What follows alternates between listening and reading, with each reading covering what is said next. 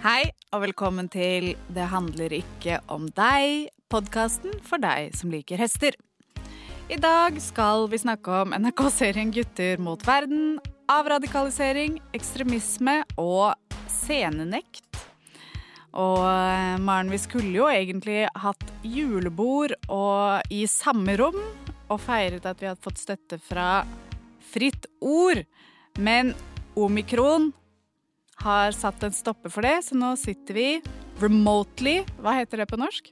Uh, er, er det sånn egen Jeg tror det bare blir hver for oss, jeg. Ja, hver for oss. Ja. I hvert vårt fylke. Uh, og drikker foran en skjerm. Akkurat som jeg har gjort de siste to årene. ja, det er Ja. Jeg har ikke gjort det så veldig mye, fordi jeg benyttet bare anledningen til å ikke drikke i det hele tatt. Ja, så sånn er jeg. Sånn var jeg. Men hvordan føles det ellers?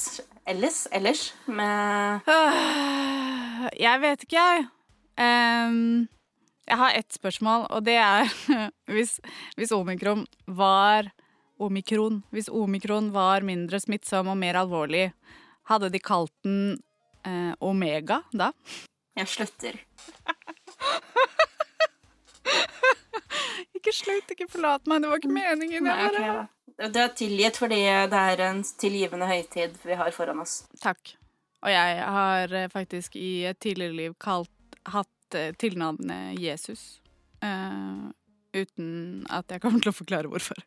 Uh, men jeg syns det er ganske imponerende da, at uh, vi har laget åtte, mm, åtte episoder, tror jeg, uten å diskutere korona eller pandemi en eneste gang. Det har jeg ikke tenkt over, men det er ekstra, ekstra imponerende. Ikke har tenkt over det engang, kanskje. Ja, altså det Jeg tror det sier mye om at det har vært noen lykkelige måneder da, etter, etter gjenåpningen. Vi begynte jo litt før, men, men det var liksom vi var, vi var nære. Nære gjenåpningen. Vi begynte å glemme det, liksom. Mm. Og eh, jeg har hatt det skikkelig, skikkelig fint eh, i noen måneder nå. Så det var på tide å bli låst inne, og i morgen er det hjemmeskole Nei, ikke i morgen, jo. Nei, fredag. Ja, uansett. Eh, I går, kanskje, når denne episoden kommer ut. Så hjemmeskole og jeg vet ikke Vi må isolere oss for å reise på juleferie og ja. Jeg Først var jeg, jeg, ble, jeg ble skikkelig lei meg, jeg. Jeg ble jeg, men, men jeg fikk veldig mange beskjeder på en gang, samtidig som jeg fikk beskjed om at eh, nå kom de til å stenge, stenge igjen. Jeg vet jo at du eh, Du eh, har kanskje ikke felt noen tårer? Nei, men det er fordi jeg ikke har barn, da. Jeg tror det henger ganske tett sammen. Nei, jeg er helt uberørt. Altså, hvis sånn du hadde blitt tvunget til å være Unnskyld. hvis du hadde blitt tvunget til å være med barna dine hele dagen Da hadde jeg også vært En lei meg. dag, en, en dag denne uken. En og resten av juleferien. Det hadde ikke vært derfor jeg fikk dem, for å si det sånn. Nei. Nei, jeg har definitivt ikke fått barn for å være sammen med de hele tiden. Altså, hvis jeg ville være sammen med, hvis jeg ville ha noen som var hjemme hele tiden, så hadde jeg fått meg en hund. Ja, ikke sant? Ja, nei, jeg, nei, altså jeg er helt, helt emosjonelt uberørt. Ikke bare av de nye tiltakene, men av hele pandemien. Det er uh, Nå skal jeg være sånn eh, eh, nå, skal, nå skal jeg liksom være festens uh, høydepunkt som virkelig får opp stemningen. Jeg tror bare at jeg, jeg er for vant til å være kronisk syk, til å liksom tenke på livet som noe annet enn en serie skuffelser og avlysninger og veldig rare vilkårlige regler du må forholde deg til. Så, så for meg så er det bare helt utenkelig å, å tenke på verden som noe annet. Så det er bare business as usual. Men, men til gjengjeld da, så betyr jo det også at det, når det kommer nye tiltak eller en, en ny variant, så er jeg bare sånn Å ja, ok, ok, den er grei. Da vet jeg det. Men det er litt kjedelig å ikke kunne være sammen med deg og, og feire jul og penger og alt sånn, men det, det regner jeg med at vi tar igjen sånn Jeg vet ikke, en eller annen gang mellom ypsilon og zeta.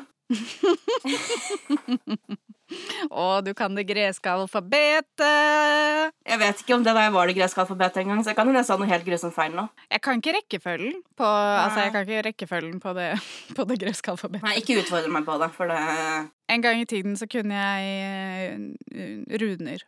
Wow. Jeg kan knapt det vanlige alfabetet, så Og det var veldig sånn kultur Uh, Hva heter det? Uh, det var veldig sånn selv, selvopptatt av bare det vanlige alfabetet. Og det vanlige alfabetet, ja. Det normale alfabetet for oss normale mennesker med våre normale, overlegne overmenneskebokstaver. Men det er vel en ganske bra inngang til eh, å gå videre og snakke litt om eh, gutter mot verden og alt det vi har planlagt å snakke om i dag. Det kan Det- faktisk være. Vanlige guttene som bare Ja. vil ha det gøy og si akkurat hva de vil. Ja, for altså, det første jeg egentlig ville snakke om, da, eh, eller sånn i utgangspunktet for et par uker siden, det var eh, litt sånn det med radikalisering og tilgivelse og alt mulig sånn, men da var det med utgangspunkt i Lars Akerhaug, men så har det bare balla på seg med diverse eksempler, så vi kan, eh, vi kan eh, begynne med Det er alltid nok å ta. Ja, det er det, altså. Det er, eh, jeg tror vi kommer til å komme inn på litt, litt av hvert underveis. Men vi har begge sett Gutter mot verden på NRK, Ja. og har tanker. Uh, ja, hva syns du? Jeg ble liksom Jeg syns det var litt dårlig håndverk. Ja, altså, jeg skjønner at de har gode intensjoner. Men som vi stadig kommer tilbake til, så trumfer ikke gode intensjoner god innsikt. Og det syns jeg også at den serien her lider under. Altså, Utgangspunktet er jo da en journalist som jeg tror heter Er det Martha Antonette hun heter?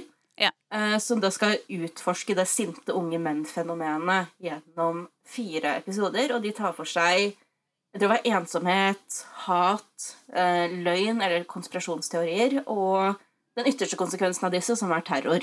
Mhm. Det er liksom enda en sånn nybegynnerinnføring i den tematikken.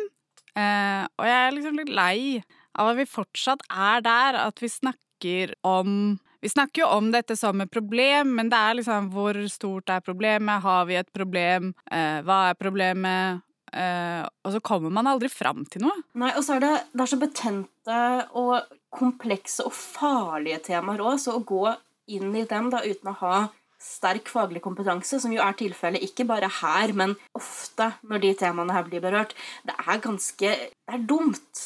Og det er litt uh, sånn som jeg etterlyser jo på en måte kritiske spørsmål, men på den annen side så er det jo åpenbart sånn at hvis du skal få noen til å åpne seg, da, i håp om at du skal få tilegne deg innsikt om hva som rører seg i hodene deres, og presentere det til seerne, så kan du ikke bare liksom rette lampa i trynet deres og, og kryssforhøre dem. Eh, så det er ikke det, men det er liksom Det er så mange oppfølgingsspørsmål og refleksjoner som mangler. Det er bare Som aldri kommer. Jeg sitter og venter og venter eh, og bare ser For det, det som skjer flere ganger, er at hun sitter liksom sånn med sånn tungt, alvorlig blikk og nikker eller liksom rister forståelsesfullt på hodet og sier sånn Å ja, ja, det må jo være helt forferdelig. Ja, jeg bare sånn, jeg lurer på Uh, Altså, jeg vet jo ikke hva som ligger på gulvet i klippen uh, i den serien her. Nei. Nei. Uh, men med mindre det er veldig mye, så har det vært ganske dårlige samtaler. Mhm. I hvert fall i de første to episodene. Ja, definitivt. Og Mm. vi kan jo snakke litt om den første, som handler om ensomhet. Ja, der savner jeg, savner jeg eh, både spørsmål og litt bakgrunn om hvilke vurderinger de har gjort på forhånd når de bestemte seg for å dedikere så mye av den episoden til å dilte etter Eivind Berge. Ja, det er helt vanvittig. Og Trengte han å bli intervjuet av NRK, eller trenger han psykisk helsehjelp? Jeg Ja, det- setter pengene mine på det siste. det er jeg også. Og hvis lytterne ikke vet om det er, så kan de bare google litt. Og så er det jo en ting som jeg kan sette pris på som virkemiddel i dokumentarer, det er jo at det man, man lar intervjuobjektet bare snakke selv. Og hvis det er målet, blamere seg selv. Jeg tror ikke det var tanken her. eh, Heller tvert imot. Men det funker kanskje hvis det er sånne helt fullstendig der ute outrerte konspirasjonsteorier som de tok for seg litt i episode tre. Men når det er ting som er litt mer altså Jeg skal ikke kalle Ervin Berge subtil, da, men sånne ting som ikke er helt sånn åpenbart ko-ko, kanskje sånn ved første øyekast, da, så er det på en måte Ja, ganske åpenbart, eller? Hmm? Han er ganske åpenbart ko-ko ved første øyekast, Eivind Berge. Jo da, han er jo det, sikkert, men det er ikke, kanskje ikke for alle. Altså, De tingene han sier i selve episoden, det er liksom da er du litt sånn dønn avhengig av å være på ballen og ikke bare regne med at seerne skjønner at det er tull. For hvis alle bare skjønner når noe er tull, så ville vi ikke hatt konspirasjonsteorier og sånn i utgangspunktet. Mm. Uh, og nettopp derfor er det viktigere å Hvis man absolutt insisterer på at man skal gjøre det her, uh, mm. at man følger opp og vet hva man driver med, og, og stiller de nødvendige man, man, kan, man, kan, stille kritiske og utfordrende spørsmål på en vennlig måte som ikke Absolutt. Absolutt. Uh, og det er veldig lite av de, altså. Uh, hun, hun er litt varmere i trøya når hun snakker med han Vebjørn fra KIO. Jeg lurer på om det er fordi hun føler litt mer sånn nærhet til han. At de, de ser ut som de er ganske sånn like i alder.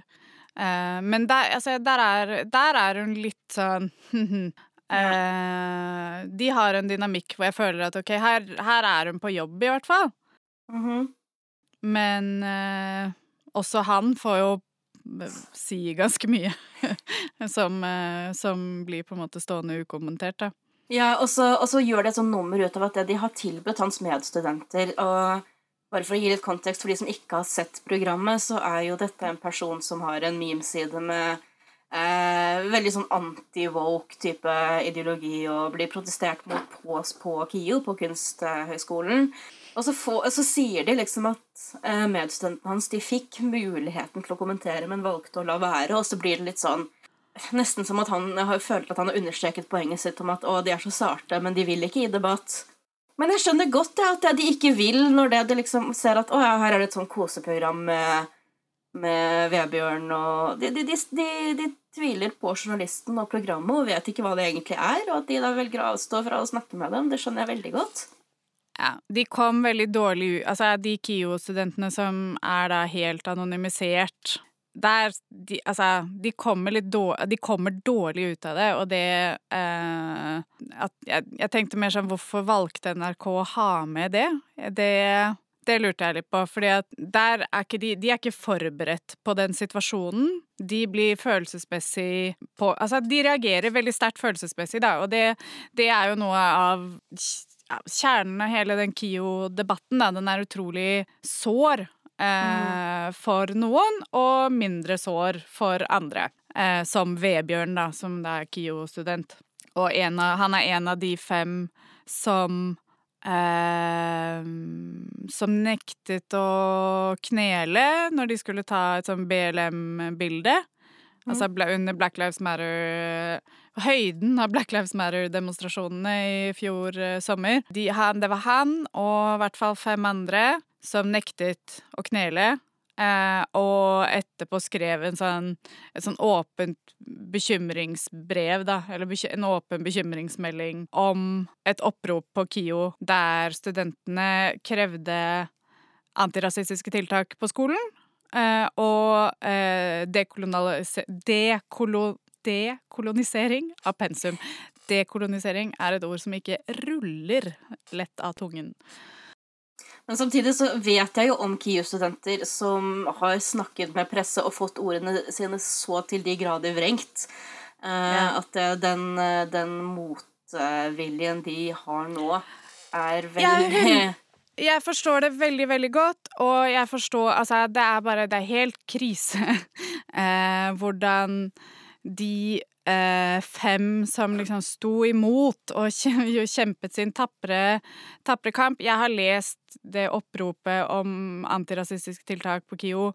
Det er helt uproblematisk. Det er én ting i det brevet som jeg reagerte på, og det eh, er at de skrev 'silence is violence'. Det, syns, det er et begrep som jeg ikke er helt enig i. Altså, det blir for uh, det blir på en måte bare å tillegge veldig mange passive i samfunnet ja, men Det er et valg, det også, å være, være passiv. Så det er jo Man tar et standpunkt ved å ikke ta et standpunkt. Man tar Men det er poenget er bare at det er utrolig mange i samfunnet som og det kommer vi jo til også, som føler eh, at de blir klandret for at de i sitt personlige liv kanskje bare ikke har tid til å engasjere seg i dette. da. Eh, og så blir de altså jeg, Og jeg rettferdiggjør det ikke, jeg er ikke enig med de som, de som havner der, men det er mange Jeg, jeg har en følelse, og det, det, kommer vi også til når vi snakker mer om eh, de som blir intervjuet i denne serien, mm. men jeg har Jeg sitter med en følelse av at det er veldig mange som egentlig kunne vært Egentlig kunne vært på rett side av, uh, av hva da, historien, for å si det pompøst, um, som blir pushet ut mot høyre av den typen retorikk. Da syns jeg at de skal skjerpe seg litt og slutte å være så hårsåre og Jeg, jeg skjønner, jeg skjønner Det er fremmedgjørende. Det er fremmedgjørende. Man må kunne anerkjenne at en del sånne begreper er fremmedgjørende for eh, hvite mennesker fra arbeiderklassen som egentlig sliter Altså som prøver å slite for å få endene til å møtes. Jeg sympatiserer ikke med at man havner med å på en måte bli på liksom rasistsiden, men jeg kan forstå at det er noen folk som blir pushet dit, da, man hele tiden hører at hvite mennesker er helt grusomme. Jeg forstår hva det er snakk om. Jeg treng, eh, trenger ikke å liksom ta det personlig. Jeg, jeg, jeg har sympati, jeg forst, vet hva dette handler om, liksom. For meg, for meg er ikke det et problem, men jeg, jeg kan forstå at, at, man blir pushet og dratt i en retning som man kanskje egentlig ikke hadde blitt av det, da. Ja, for man kan jo se at det finnes, uh, hva skal vi kalle det, en uh Uh, altså, en, Noe kan være sant uten at det nødvendigvis er strategisk riktig eller bra og lurt å bruke i en samtale. For eksempel så har det jo vært og Jeg husker ikke hvem den der gamle jubben var som var så sint på Var det, var det håndbok for unge antirasister eller noe sånt noe? Hvor han var så mm. livredd for at uh, nei, altså hvite barn skulle føle skyld fordi at uh, hvite mennesker anklages for rasisme, og de forstår jo ikke strukturell rasisme og sånne ting. og jeg kan være enig i påstanden om at alle hvite per, per definisjon eh, drar fordeler av et, et system hvor vi, vi, gjør det. Hvor vi har rasisme, altså den strukturelle rasismen. Alle drar fordeler av det. Og jeg skjønner godt det retoriske grepet, at det alle hvite er eh, dermed rasister. Jeg, og, og, og, jeg kan skjønne det, men det er ikke nødvendigvis det jeg ville ledet an med hvis jeg skulle prøve å få så, så, jeg skjønner jo altså, ja, hva, hva, er strategisk å bruke, og hva er sant? Eh, nå, nå, høres det ut som at jeg syns at det som er strategisk å bruke, er løgn. Jeg snakker bare om å velge sine ord med omhu, selvfølgelig. Nei, ja, det er akkurat det. Og jeg har på en måte Jeg er veldig opptatt av det, da. Jeg har tenkt veldig mye på det, og jeg eh, kommer Vi drypper innom det stadig i, i vår episode. Hvis, hvis, det knirker i bakgrunnen her nå, så er det fordi jeg sitter på en veldig knirkete stol i dag. liksom men, men, stol, men jeg er på Jeg er Jeg er Altså, hvis vi skal um, løse de samfunnsproblemene vi har uh, Jeg så må vi Altså, vi må ha aktivisme. Vi må ha de harde, harde harde ordtakene, vi må si, og den harde sannheten. Men vi må også på en måte ha litt respekt for at det er ikke Altså, det er ikke alle som, som er aktive antirasister og har satt seg inn i det, og de må, de må lirkes inn. De må lirke, de må, vi må snakke Og det, og det er ikke Det er ikke eh, Det føler jeg på en måte som hvit person, da, er litt mitt ansvar.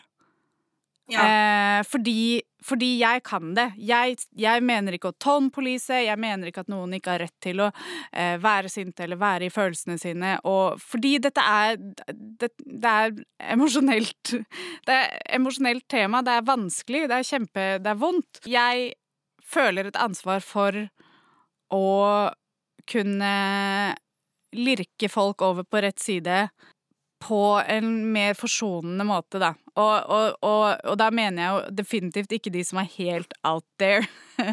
eh, Koko-rasister, Monomanebo, Vebjørn Pedersen, alle disse folkene her, de er too far gone.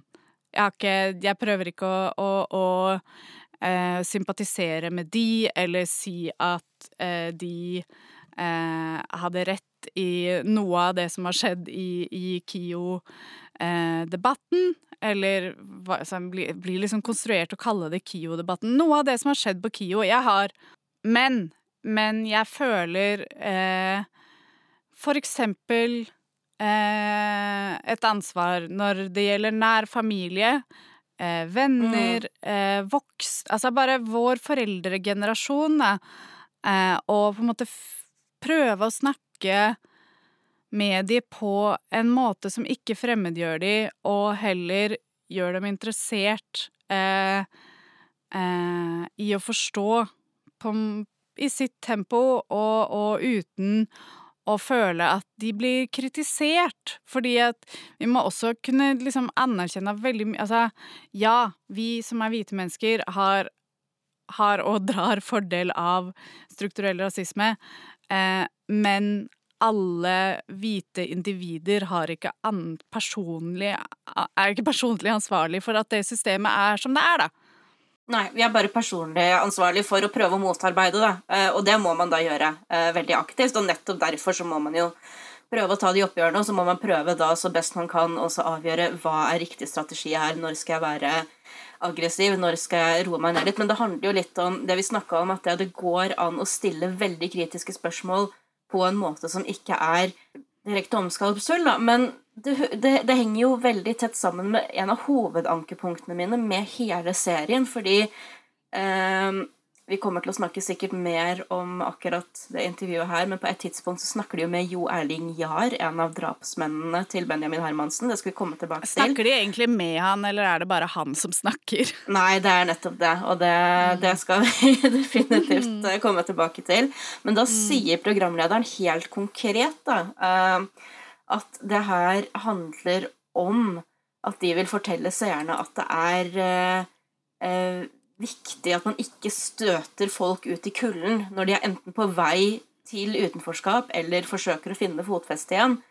Eh, og det er vel og bra. Altså, la oss si da at eh, det er premisset, og at eh, at, at det er ingen tvil om at utenforskap og ensomhet er kanskje de farligste radikaliseringsfaktorene.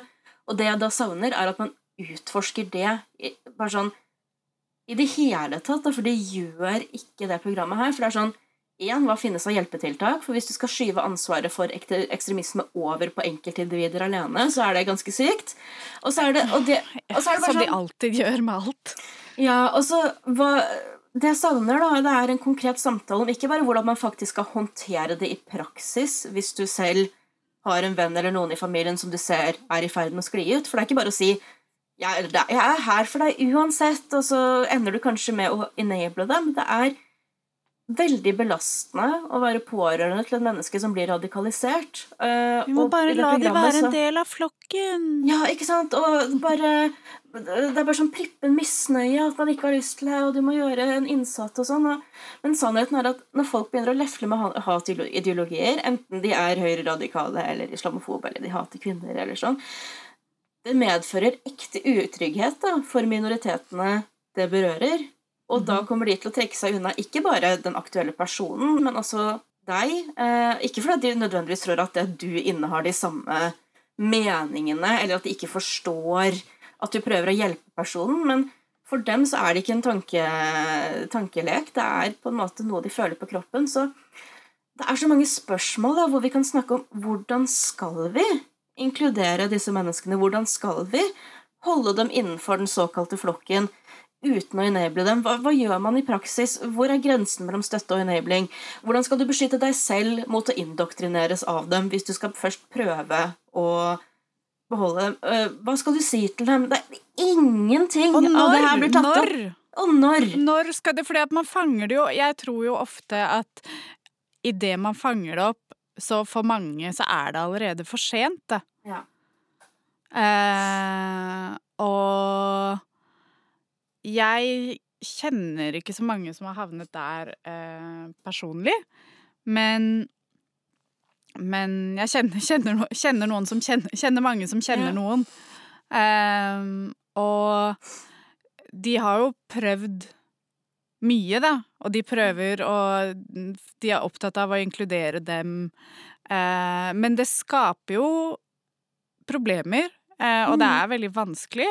Fordi eh, hvis for eksempel man har havnet i antivax eh, Eller ja, hvis man har blitt antivakser, eh, så er man jo allerede så overbevist da, at det, det, er ikke så mye som funker.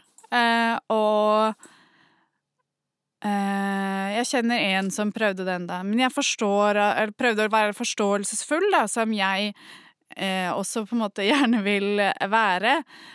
Inntil et visst punkt, så klart.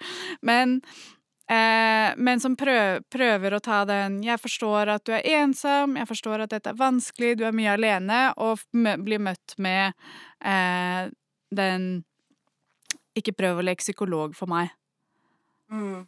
Og det er, det er bare det er, De er lost, da, og det Det er en stor jobb å få de tilbake, og jeg vet, det er, jeg vet ikke om det går an engang. Ja. Nei, altså, det er veldig enkelt å si å, du må bare ikke støte dem ut, og du må, du må bare ta hånd om det. Men, men, men, hvordan? Hva gjør man? Hva, hvor er støtteapparatet? Det, det, finnes jo nesten ikke. Eh, og det er sånn Det er det som er interessant, ikke hvorvidt det finnes et problem, og hvorvidt ensomhet er dårlig for enkeltindividet. Selvfølgelig er det det.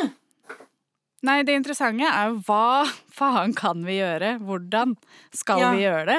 For det er ikke sånn at det finnes to alternativer. Det ene er å fryse ut alle som viser tegn til sosialt avvikende oppførsel, og det andre er å ønske dem velkommen med åpne armer. Ikke sant? Det er sånn, det er, dette er ikke de to eneste alternativene. Hva ligger imellom? Det er det som er interessant. Og det programmet her tar ikke i det i et sekund engang. Nei. Nei, for hvis hun er opptatt av at vi ikke skal støte dem ut, hvordan, hva skal vi gjøre da? Hvorfor, snakke, mm. hvorfor forteller ikke den serien noe om hva vi skal gjøre? Den forteller oss bare at disse menneskene finnes, og det er det, egentlig. Og det vet vi jo. Eh, ja, og jeg, på en måte så jeg syns altså, Hun intervjuer alle de her 4chan-guttene, og det er jo litt sånn uh, min uh, Jeg har en, har en, fortid som kjæreste til en 4chan-gutt. eh, selvfølgelig. Ja. um, og det, det, eneste som var Som hun klarte å få ut der som var interessant, var jo bare hvor forskjellige de var, da. Det var For det, det var jo Altså De var jo ikke forskjellige på den måten at de tydeligvis finner community i å, og, i å slenge ut uh, rasist-slurs og, og uh, si at det eneste, eneste, verdien til en kvinne er om hun viser, sender toppløse bilder. Mm um, men jeg syns det var Eller det, jeg syns det var litt interessant bare det at de, de var de, de, snakket om at de var forskjellige politisk. Det var egentlig det eneste som var noe mm. var sånn interessant der. Fordi eh, der gjorde de en jobb med å få fram at dette er ikke en homogen masse av høyreradikale eh, gutter. Det er jo Altså, det er jo for det meste bare kids som vil kødde. Mm. Eh, og jeg syns det var på en måte fair å få fram, eh, men ellers, ja, jeg vet ikke. Ja, for De snakka litt med noen eksperter om liksom, hvor går egentlig grensen mellom hva som er kødding og hva som faktisk er ekstremisme, og hvor lett det er for de to å, å eh, flyte inn i hverandre. Og ja, det er greit, men det er bare sånn, det er en så liten del av det store og fulle bildet, så det er liksom nesten det eneste som kom frem som hadde noen vet ikke, interesse eh, kanskje. ja. Og så er det liksom bare det å gå inn helt uten faglig kompetanse på ekstremisme og skulle snakke med, eller bli snakket til, av Jo Erling fuckings Jahr. Ja, det var, det var, det var veldig rart. Og jeg syns Altså, man får jo empati med han kompisen hennes eh, som eh, har bodd i samme blokka som Erling Jahr da han var barn. Eh, men jeg syns Han ble også jaget alt... av de gutta. Men det er sånn ja. Men jeg syns, jeg syns, den sekvensen var litt rar, fordi han skrev et brev, og han hadde noen spørsmål som ikke var Altså, jeg forstår at ja, for han så handlet det om en slags sånn closure, da, men, mm. men jeg syns spørsmålene de, han skrev og sendte brev, Nå husker jeg det ikke ordet, men jeg husker at jeg reagerte på at det var var bare sånn OK, er det det du skal spørre om? Og han fikk jo heller ikke den closure Eller jeg tror han sa selv at han var fornøyd, men det eneste de fikk, det var jo Jo Erling Jahr som ringte den tilbake og bare ranta om hvor urettferdig det var mot ham å måtte eh, ha det der hengende over seg resten av livet. Ja, Bro, Hvordan du føltes det for meg? en brun gutt fordi du er en fuckings nynazist. Ja. Ja. Altså- og jeg, jeg driter i hvordan det føles for han, jeg, å få det Ja. brevet. Eh, og når det var det eneste han hadde å melde, så ville jeg også tenkt sånn Altså, det, det er jo ærlig av de å ta det med, men, men det hadde Det var Det eneste jeg fikk ut av det, var at jeg tenkte sånn Ja, så du er så sinna, ja. Da Mm. tror jeg ikke det er du, du sier at det er lang avstand mellom deg og det som skjedde, og den du var da, men jeg satt igjen med en følelse at den eneste avstanden der eh, er de 20 årene som har gått. Mm. Og Eh. hvis det så er sant, så er det fortsatt ikke Hvis han skal ha en vei tilbake til samfunnet selv om han har gjort noe grusomt, tenk om han har lært og sånn. Ok, men vet du hva, jeg tror ikke den går via NRK. Nei. jeg, nei, definitivt ikke, og det, men det tror jeg ikke han var ute etter heller. Eh, men Nei, men, men, Men- de burde men- vite bedre. Ja. Ja, ja, nei. er, eh, 100 de burde vite bedre. Eh, og, og han eh, Ja, nei, altså, han er nok en person som jeg bare føler vet cirka hva han skal si, da, for å liksom i det hele tatt ha en sjanse for å bli eh, pluk, ja, tatt inn i storsamfunnet igjen, liksom. Men det var ikke så veldig troverdig. Eh, og ap apropos Det er litt samme jeg tenker eh, Som jeg ser mange skriver om Lars Akerhaug, da. Man lurer på hvor troverdig er den avstanden han tar til Resett, eh, egentlig? Handler det om at han er en opportunist som trenger en ny jobb i media, eller er det oppriktig? Mm. Um, og det er liksom Der òg føler jeg at det blir satt, satt opp den derre der dikotomien der at det enten så må han bare liksom knyttes sammen i en sekk med en sverm sinte vepser og tre hoggormer og kastes i elva, eller så må han bare få en sånn åpen velkomst og applaus. Og det er ikke så lett. Men tingen er at faktum er at tingene han har gjort, særlig da gjennom Resett, har gjort irreversibel skade.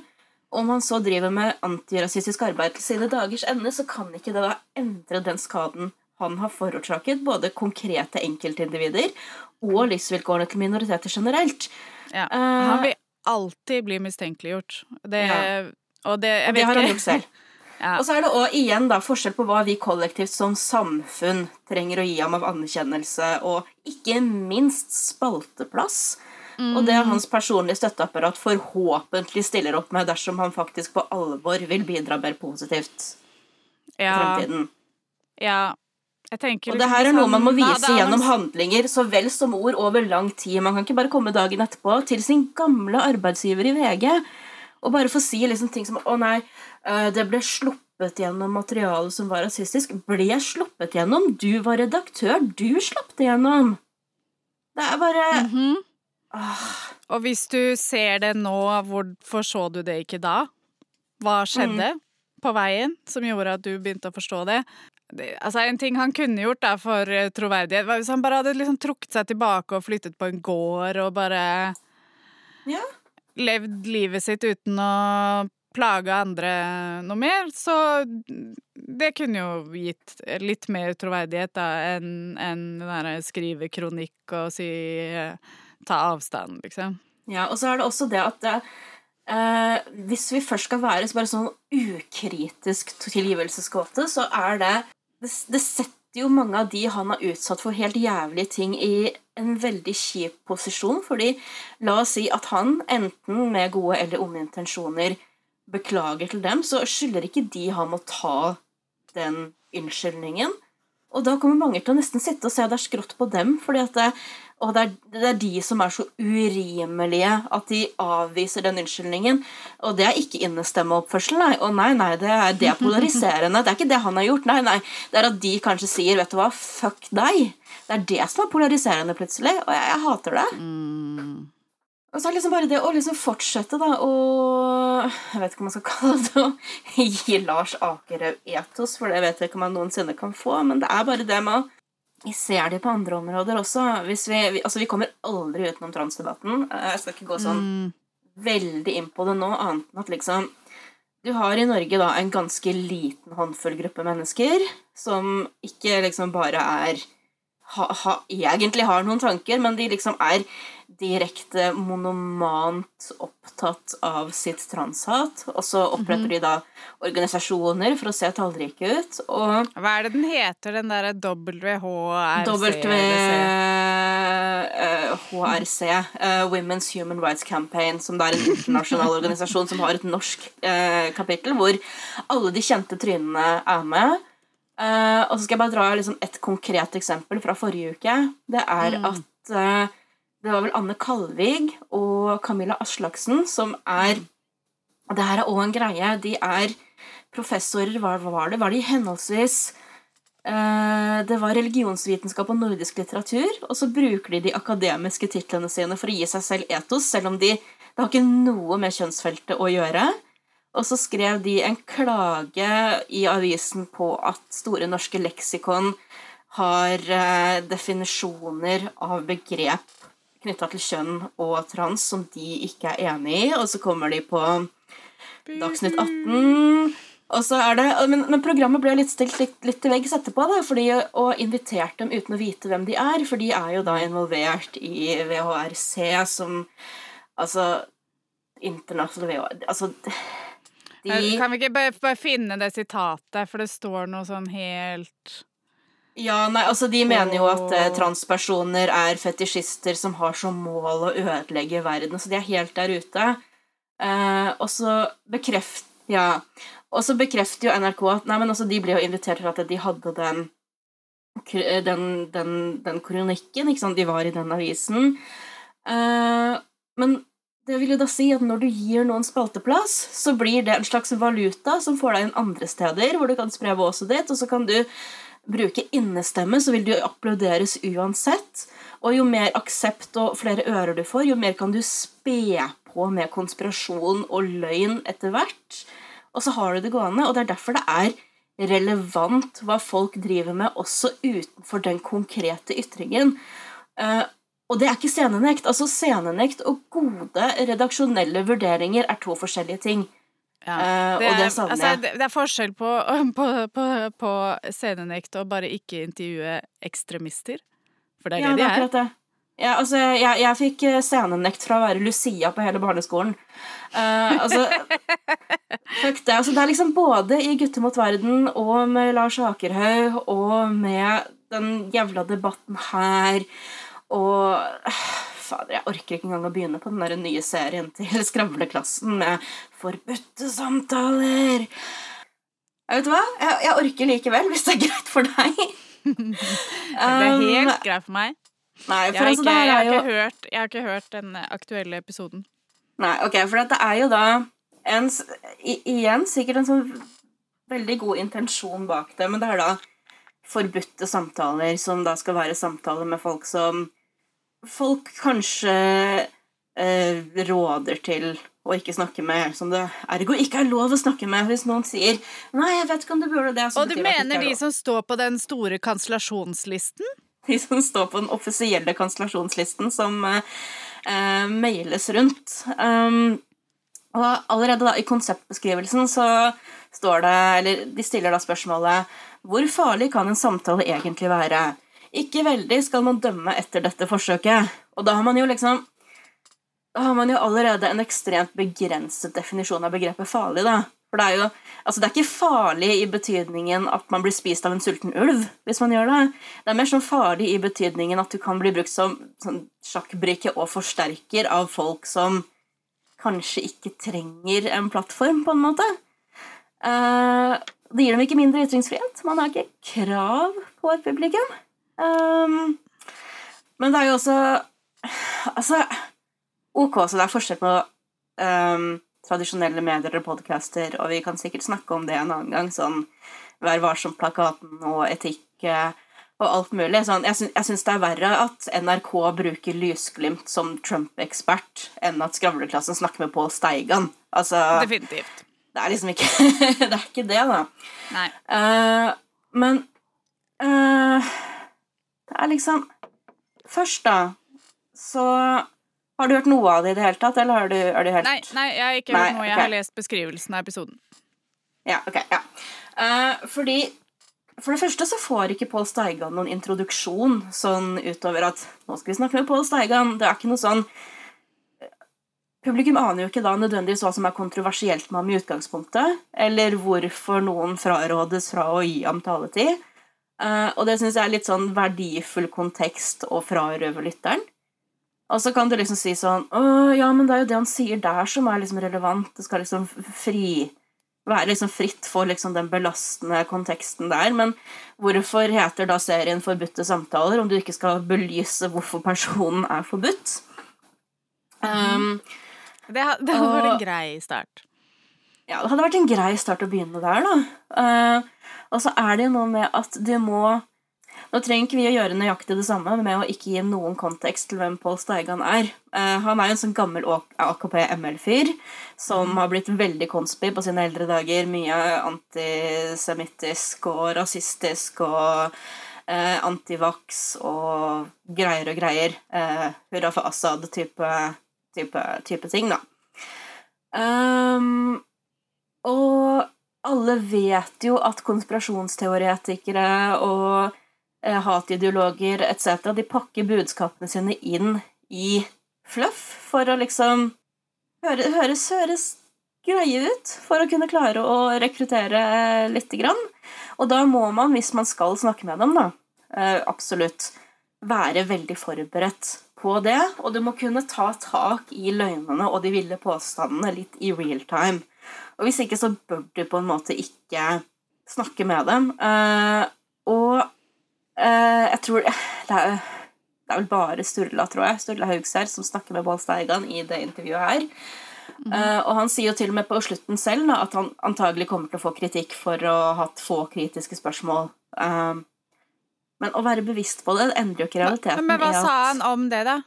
Sa han noe mer enn det, eller bare det? Nei, det var egentlig bare Jeg kommer sikkert til å Ah, ok. kommer, sikkert- Jeg bare, bare anerkjenner det. Det var liksom ikke noe, Ja. noen Og det er liksom Det er så mye Steigan får buse frem med uten pushback eller oppfølgingsspørsmål eller noe som helst, og så begynner det ganske friskt med at uh, han synes jo selv at den store feilen Pol Pott gjorde, var å dele befolkningen opp i de rene og de urene. Eh, slik som man i dag gjør med de vaksinerte og uvaksinerte. Og så kan man bare videre derfra. Ja, ja, det er ikke noe, det er ikke noe sånn Det er bare sånn, ja, ja, vi skal snakke mer om antivax sånn senere, og så gjør de litt Ja, det, men de andre ser ikke det her. Det er akkurat det samme. Helt det samme. Akkurat det samme.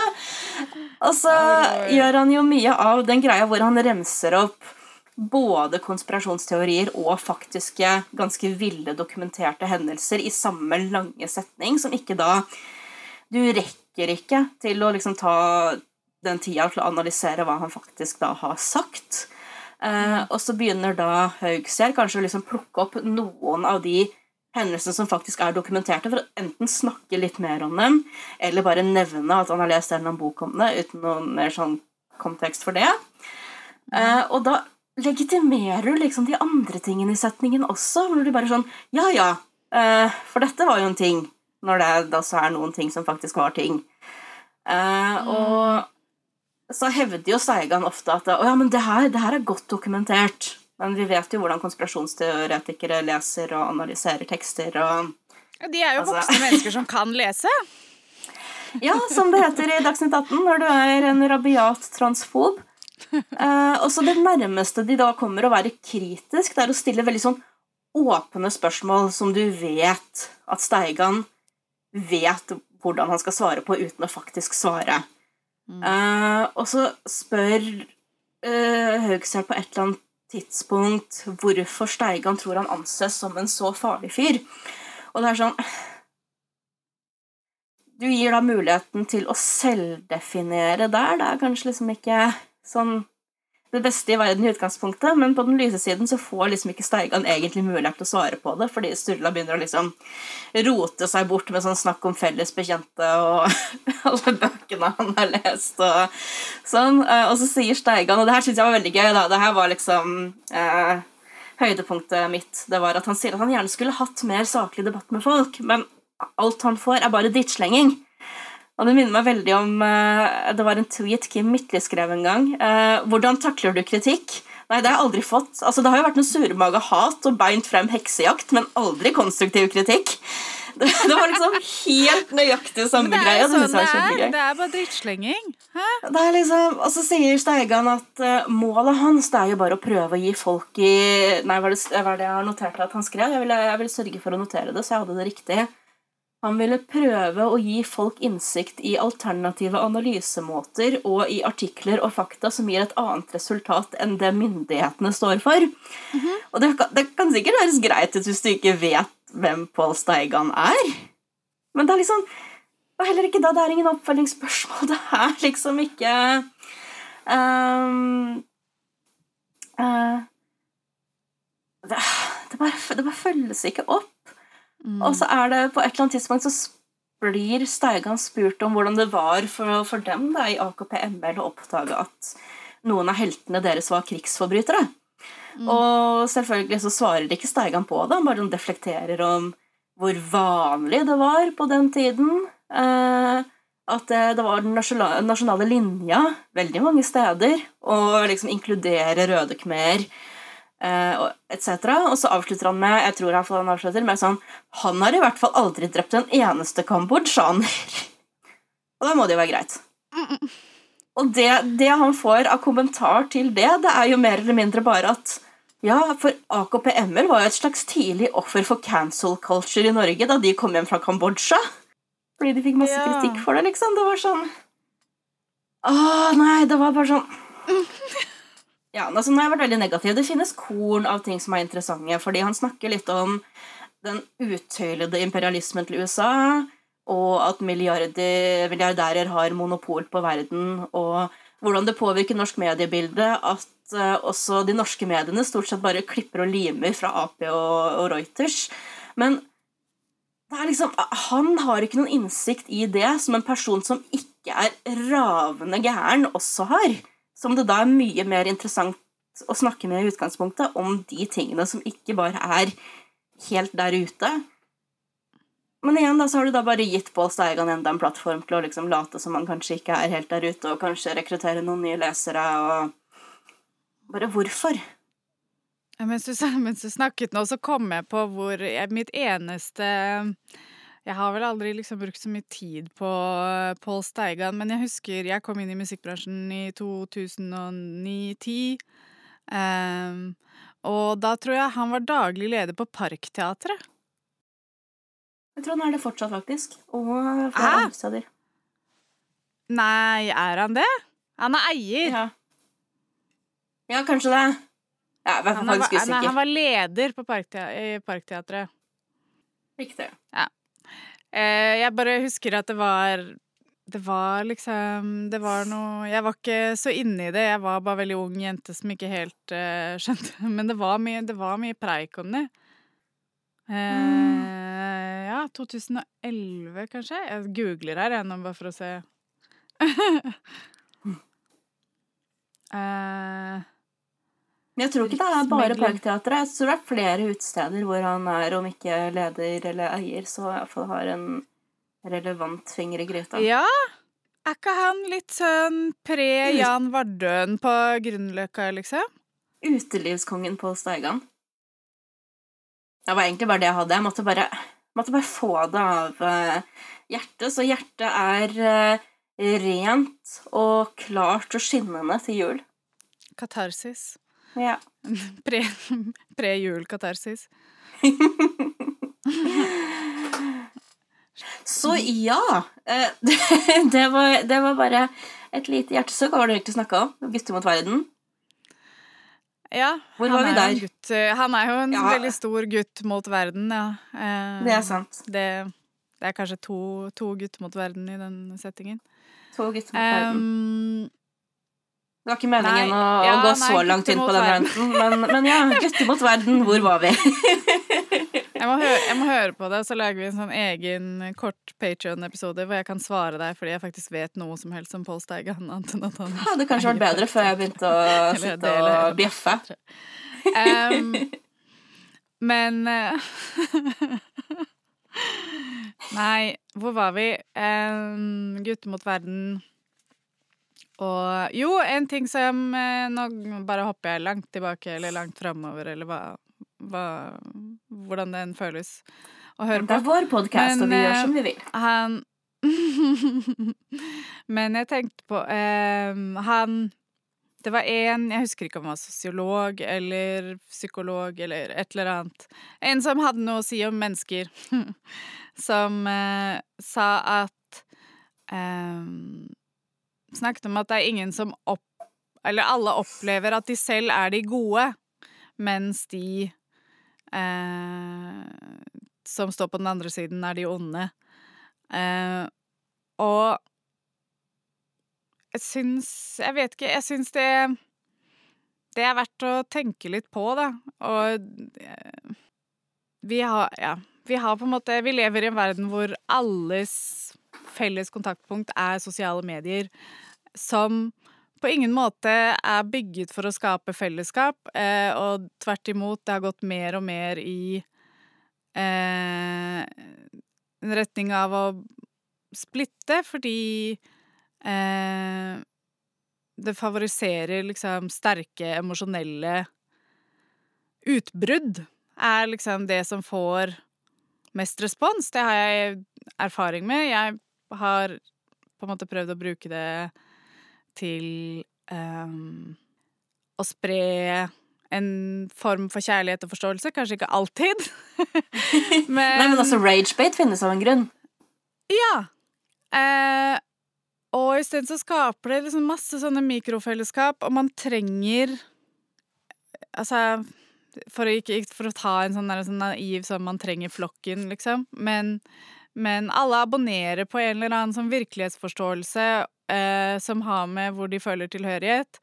Eh, og sånn som vi holder på nå, da, så biter vi Går vi så sykt i den fella som er på en måte lagt opp for oss, hvor eh, Sånn som senest i dag så så jeg Hasse Hope skrev på Twitter eller Facebook sånn Hvis du eh, ikke har tatt vaksinen ennå og ikke har tenkt til å gjøre det, så kan du slette meg som venn.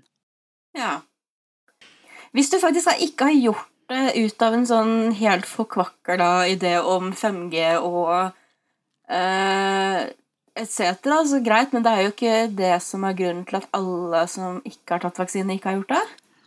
Nei, og jeg tenker Jeg her tenker jeg på alle, egentlig, da. Jeg syns altså sånn Det blir Du umenneskeliggjør noen helt, da. De er Altså, om man er antivax eller altså Hva enn man er, selv om man sprer skadelig informasjon og hat. Ja, så handler det litt om det kollektive, for hvis Hasse Hope skriver 'slett meg som venn', så er ikke det verdens undergang. Ja. Han er ikke alene om det. Det er Nei. mange som, som har den Eh, og også personlig, jeg har jo eh, Det fins jo på en måte no go-soner i, i, mitt liv også, liksom. Eh, ting ting folk kan gjøre, som for eksempel å voldta og forgripe seg på noen, eh, da er du Da forsvinner du fra min venneliste. Det gjør du. Eh, men jeg bare Jeg tenk, Det bare føles så lite produktivt å bare erklære alle som ikke har tatt vaksinen, for stokk dumme, da, og alle som er suspicious Hva heter det? Alle som er mistenksomme. Eh, for å putte alle de i samme bås. Det det er sikkert ja, for det er jo flere grunner til å være mistenksom, ja. som ikke er på en måte sånn helt fullstendig der ute. Og noe av poenget mitt er jo også med å starte med å snakke om sosiale medier, medier og splittelse, er jo også bare at vi, vi blir vi er, altså sånn, Jo mer alene vi er, jo mer mistenksomme blir det. Jeg har vært, jeg har vært veldig, veldig langt nede i et sånt mørke, og jeg har aldri havnet i noen konspirasjoner, men jeg husker at jeg var på Uh, en veldig lavt punkt i livet og leste feil filosof. Uh, en filosof som argumenterer for at mennesker og dyr må gjennom så mye smerte i livet at summa summarum, det er ikke verdt det. Det var Jeg hadde noen Jeg har aldri, aldri vært suicidal, men hadde jeg vært det, hadde jeg vært Så hadde Altså Det skal Når du leser noe på feil tidspunkt, da, så du tror du, du sluker det rått, liksom. Og så plutselig ja, så har du som... fått en annen måte å navigere livet på, liksom. Og jeg kom meg ut av det på et par dager. Heldigvis takket være en eh, person i livet mitt som jeg er veldig glad i.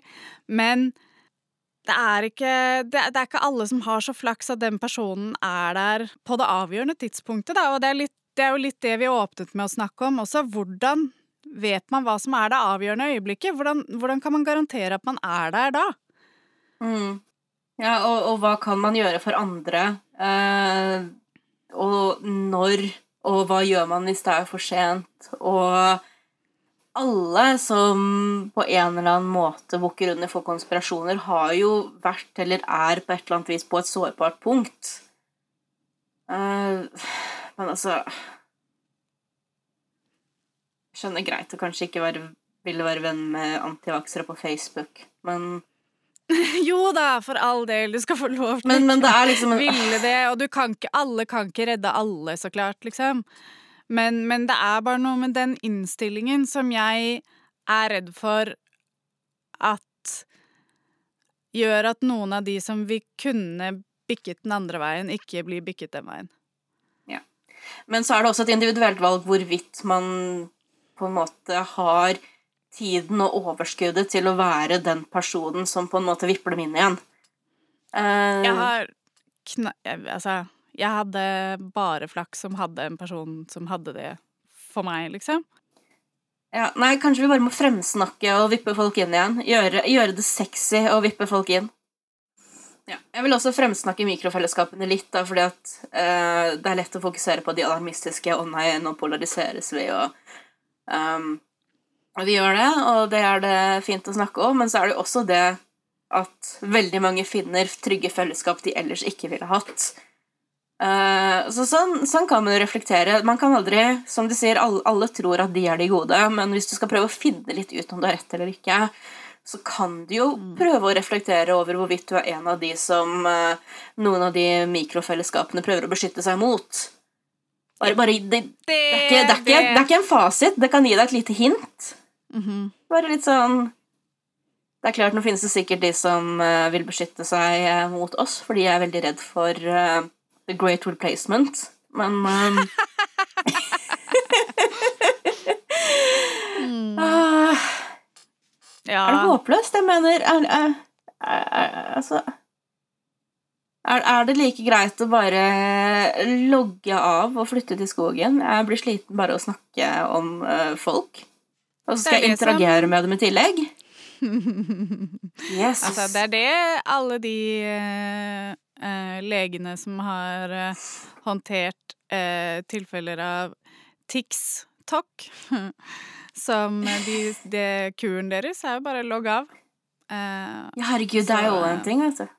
Mm. Ja. Det er mye, det er mye, tenk, det er mye vi skal snakke om eh, som foregår på internett i fremtiden. Men for nå skal vi logge av. Ja, vi logger av. Ja. ja. Vi logger av. ha det.